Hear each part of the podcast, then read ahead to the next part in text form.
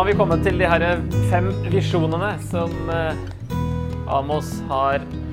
Og de fem synene, eller visjonene, er altså disse her. Først ser han en gresshoppesverm. Så ser han en ødeleggende ild. Så ser han et blylodd. Og så kommer det et slags mellomspill, kan vi kalle det. Myndighetene konfronterer Ramos. Og så fortsetter det med det fjerde synet, en kurv med moden frukt. Og til slutt at han ser at Herren står ved alteret. Og så er det noen budskap i disse veldig korte. Det er bare noen få vers på hver. Og så skal vi se om vi kan finne ut eh, hva de betyr.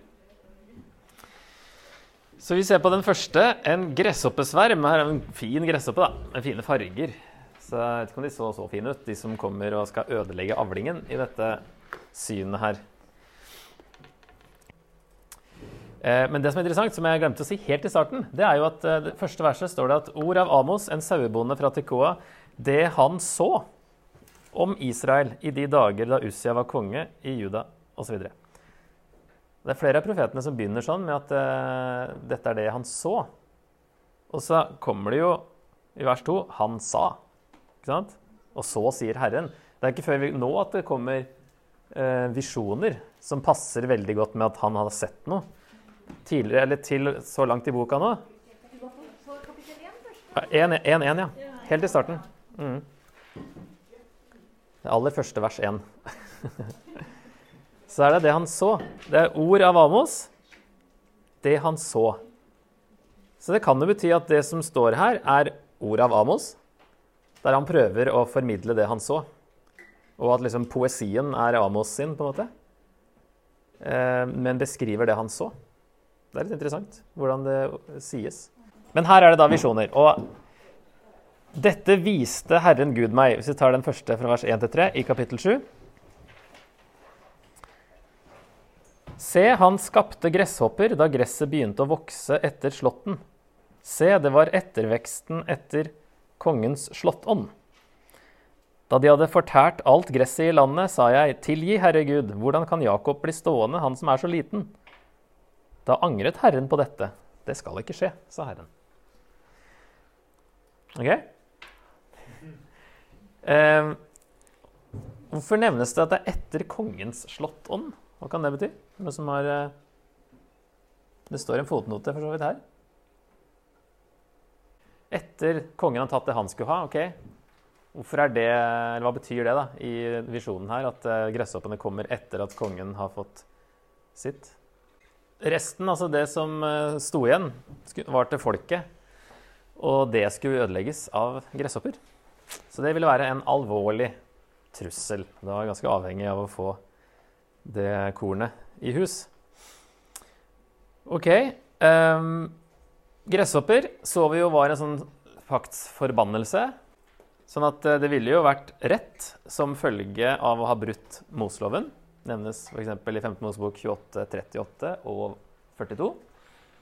At gresshopper kan komme som en uh, resultat av at man har brutt eh, Moseloven. Um, og så går Amos på en måte i forbønn her og sier 'tilgi'. Herre Gud, hvordan kan Jakob bli stående, han som er så liten? Hvem er Jakob? Det er Israel, som eh, kommer ikke til å overleve dette her hvis eh, dette skjer.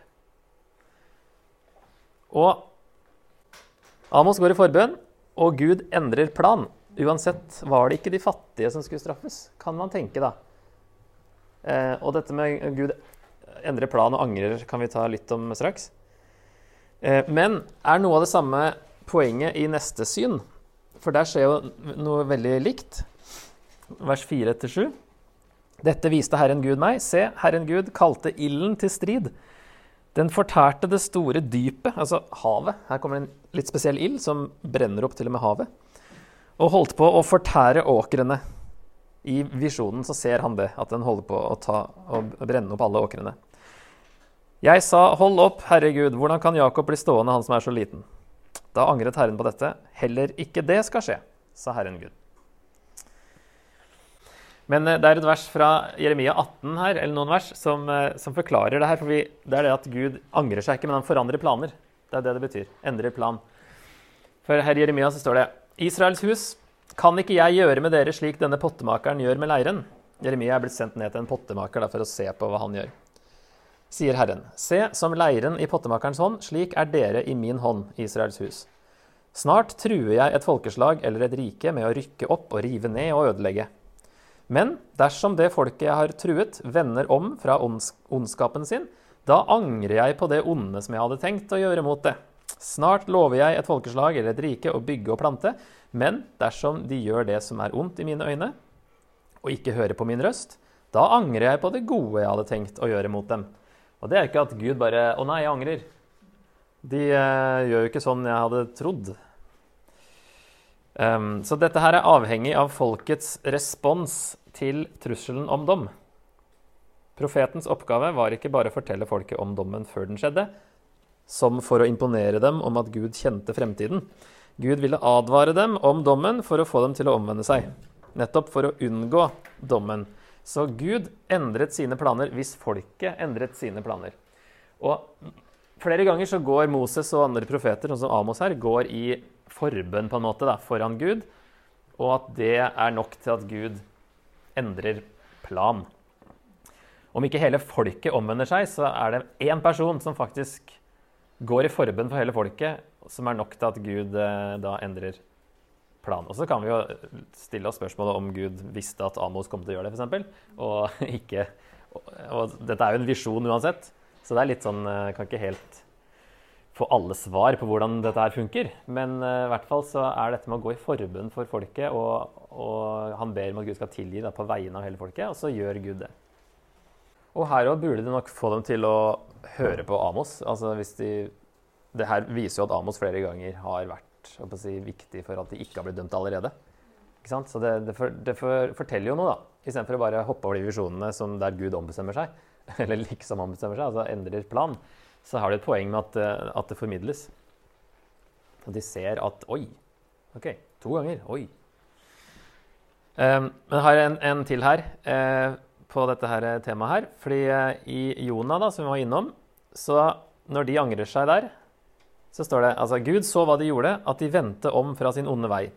Da angret Gud på det onde han hadde sagt at han ville gjøre mot dem, og han gjorde det ikke. Eh, og så er det interessant da, at altså, Gud ombestemmer seg, som vi får inntrykk av. Han angret det. Jonah blir sint og sier at det var akkurat det han visste kom til å skje. For Der står det Jonah 4, 1 og 2. Men dette mislikte Jonah sterkt, og han ble sint. Han ba til Herren. Herre, var det ikke det jeg sa da jeg var i mitt eget land? Derfor ville jeg skynde meg å flykte til Tarsis, for jeg vet at du er en nådig og bemertig Gud. Du er sent til vrede og rik på miskunn, så du angrer ulykken. Så Jonah bekrefter at Gud forandrer mening, såkalt, da, fordi han er god, ikke fordi han påvirkes av andre. Så når Gud angrer seg, så er det at han, han endrer plan. Eh, fordi han har oppnådd det han ønska, å få dem til å omvende seg. Så det er kanskje litt sånn misvisende at ordet 'angre' står der, for oss som er vant til å tenke på at det er når man innser at man har gjort noe dumt, eller tenkt feil. Men eh, det er ikke sånn det brukes i Bibelen, i hvert fall ikke om Gud, da. Undo er jo et veldig godt eh, eksempel på hva slags angring Gud driver med. Han gjør om på der man var på vei. Hebraisk har en nyanse fordi det brukes i 1. Um, Samuel 15 brukes ordet i samme kapittel om at Gud angra på at han hadde gjort Saul til konge. Og så står det lenger ned når Saul prøver å få Gud til å ombestemme seg, så sier Samuel det går ikke, for Gud er ikke som et menneske som skulle angre. Da brukes samme ordet. Så det virker som det sier motsatt. Eh, at først angrer Gud seg, så sier Samuel at nei, Gud angrer seg aldri. Eh, men der ligger en nyanse i at Gud var lei seg, kan nå bety også at han har, at det kan bety, har medlidenhet. Um, og ikke bare at han var og nei, hva har jeg gjort? Dette var feil. Ja. Ok, det tredje, da. Et blylodd. Sju til ni. Dette viste han meg. Se, Herren sto på en, en loddrett mur. I hånden hadde han et blylodd. Herren sa til meg, Hva ser du, Amos? Jeg svarte, Et blylodd. Da sa Herren, se, jeg senker loddet midt i Israel, mitt folk, jeg vil ikke lenger bære over med det. Isaks offerhauger skal legges øde, og Israels helligdommer i ruiner. Jeg vil reise meg med sverd mot Jereboams hus. Hva slags bilde er dette her, da? Gud står på en mur med et blylodd og senker det ned. Står på en mur og sjekker om muren er rett. Et sånt blylodd. Når man ikke hadde vater, så brukte man sånne blylodd. Um, folket er ikke rett i forhold til Guds standard, altså i forhold til pakten. Og han senker den her ned blant folket og ser at nei, de er ikke rette. De, de passer ikke, si, de følger ikke min standard for rett. Og det er jo et ordspill på norsk og funker bra, bra det med å være å si, rettferdig. Upright på engelsk er kanskje enda bedre. som brukes som en uh, rettskaffen på norsk. Som uh, har jo noe med å stå rett å gjøre. Og her går jo ikke Amos i forbønn for uh, dette som skal skje. Men hadde det ikke vært for profetene og Guds nåde, som vi har sett i syn 1 og 2, så hadde det vært ute med Israel for lenge siden. Og her er det heller ikke de fattige som uh, skal uh, bli straffa, men nevnes spesielt av Jereboams hus, altså kongen. Kanskje disse synene sier at Gud ikke vil straffe hele folket i syn 1 og 2, men heller de som var lengst unna hans standard, kanskje. Altså Han måler det mer sånn. Og så nevnes jo kongen spesielt, og ikke de fattige. Og ikke det at Jakob er så liten. Åssen skal dette gå? Så dette er jo enda en advarsel om Asyrias angrep i 2022. Eh, Jereboams sverd mot Jereboams hus. Og helligdommene ruiner, offerhaugene skal legges øde. Det er ofte sånn med de profetene her at de har ett budskap som igjen og igjen og igjen. Og folket hører aldri. Um, så kommer mellomspillet. Det her står som poesi her òg, men det kan, kunne nok stå som uh, fortellende tekst. Det gjør det i noen oversettelser, tror jeg. Det er vers 7 uh, eh, Nei, vers 10-17. Amasha, presten i Betel, sendte bud til Jereboam, Israels konge. Amos har fått i stand en sammensvergelse mot deg midt i Israels hus. Landet kan ikke tåle alle ordene hans, for Amos sier Jereboam skal dø for sverd, og Israel drives i eksil, bort fra sitt land. Siden sa Amasha til Amos, Du seer, gå din vei. Kom deg av sted til Juda. Der kan du spise ditt brød, der kan du profetere. I Betel får du ikke lenger profetere, for det er en kongelig helligdom, et rikstempel. Da tok Amos til orde og sa til Amasha, Ikke er jeg profet og ikke profetdisippel. Jeg holder husdyr og dyrker fiken. Men Herren tok meg bort fra saueflokken, og Herren sa til meg, Gå og tal profetord til mitt folk Israel. Hør nå Herrens ord. Du sier, ikke tal profetord mot Israel, ikke spå mot Isaks hus. Derfor sier Herren, din kone skal være en hore i byen. Sønnene og døtrene dine skal falle for sverd. Jorden din skal deles med målesnor. Du selv skal dø på uren jord, og Israel skal drives i eksil fra sitt land. Litt av et svar til når myndighetene kommer og sier eh, det her får du ikke lov til. Så det er det han sier. Må stoppe å profetere i Betel. Altså det virker som han, det er kanskje Betel, eh, det er jo det nærmeste rett over grensa. Når Amos kom fra Juda, så er jo Betel den første helligdommen. Så det er kanskje der han har liksom fremført alle, alle profetiene, eller alle, hele budskapet sitt. Og han, Amasha, presten, sier da at uh, det kan du ikke gjøre, for det er en kongelig helligdom. Et rikstempel. Så her oppfattes budskapet som en majestetsfornærmelse og en sammensvergelse, og ikke som et ord fra Gud. Og det er vel sånn de har tatt alt han har sagt. da. Og Derfor understreker Amos at eh, ingen har betalt ham for å si dette her, som om det skulle være en del av en sammensvergelse, siden han ikke var profet i utgangspunktet. Ingen ville komme til en sauebonde og si liksom, gå og lat som du er profet, og vi betaler deg for å si dette her. Ehm, det skjer jo det i, i Gammeltestamentet at profetene blir betalt for å si spesielle ting. Og det er ikke Gud så veldig fornøyd med. det, er ikke, det er noen falske profeter, det, da, som, som eh, kan bli brukt sånn. Men Amos sier at det ville jo ikke funke. Jeg er jo en bonde. Men det er Gud som kom og sa jeg skulle komme hit, og så kommer han med en kraftsalve til han presten også. Og så er det jo det med at presten og kongen skulle være adskilt i Israel. Tempelet skulle ikke være kongens helligdom. Det skulle være Guds helligdom. Nå er det jo for så vidt en gullkalv her, og de har lagd seg egne helligdommer. Men, eh, og det er jo første feil, da. Men eh, det er jo det at de har kobla det så sammen, at eh, presten og kongen står som så sammen her. Det skulle være Moseloven ga liksom retningslinjer for at det skulle være adskilt. Så nå skal jeg bli eh, litt i overkant eh, politisk. og i eh, god profetisk ånd skal jeg gå litt utafor komfortsona. Grunnlovens paragraf 16. Der står det Den norske kirke, en evangelisk-luthersk kirke, forblir Norges folkekirke og understøttes som sådan av staten. Og Wikipedia definerer folkekirke som et kirkesamfunn som prinsipielt omfatter hele folket, men som ikke trenger å være statskirke. Hvem sin kirke er egentlig folkekirken? Når kan politikk få for mye innflytelse i våre menigheter? Da, da hadde vi kommet til eh, syn nummer fire. En kurv med moden frukt. Ja, og der eh, kan vi lese Det er altså hele kapittel åtte, faktisk. Men vi kan eh, lese selve synet da, i de første tre versene. Dette viste Herren Gud meg. Se, en kurv med moden frukt. Han sa, Hva ser du, Amos? Jeg svarte, En kurv med moden frukt. Da sa Herren til meg, Enden er kommet for mitt folk Israel, jeg vil ikke lenger bære over med det. Sangerinnene på slottet skal jamre den dagen, sier Herren Gud. Mengder av lik ligger slengt overalt. Hysj. jeg Skjønner ingenting? Hvordan går man fra en kurv med moden frukt til uh, å snakke om ligger masse lik overalt? moden frukt er jo positivt. Det høres ut som et positivt bilde, det. Men overgangen her, altså poenget her er at uh, her er det et hebraisk ordspill som det faktisk står litt om i fotnotene her.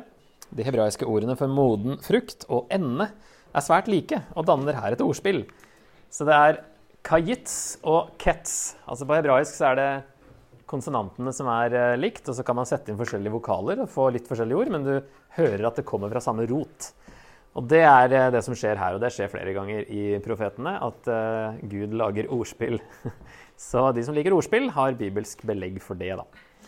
Så, men her er det altså en kurv med moden frukt.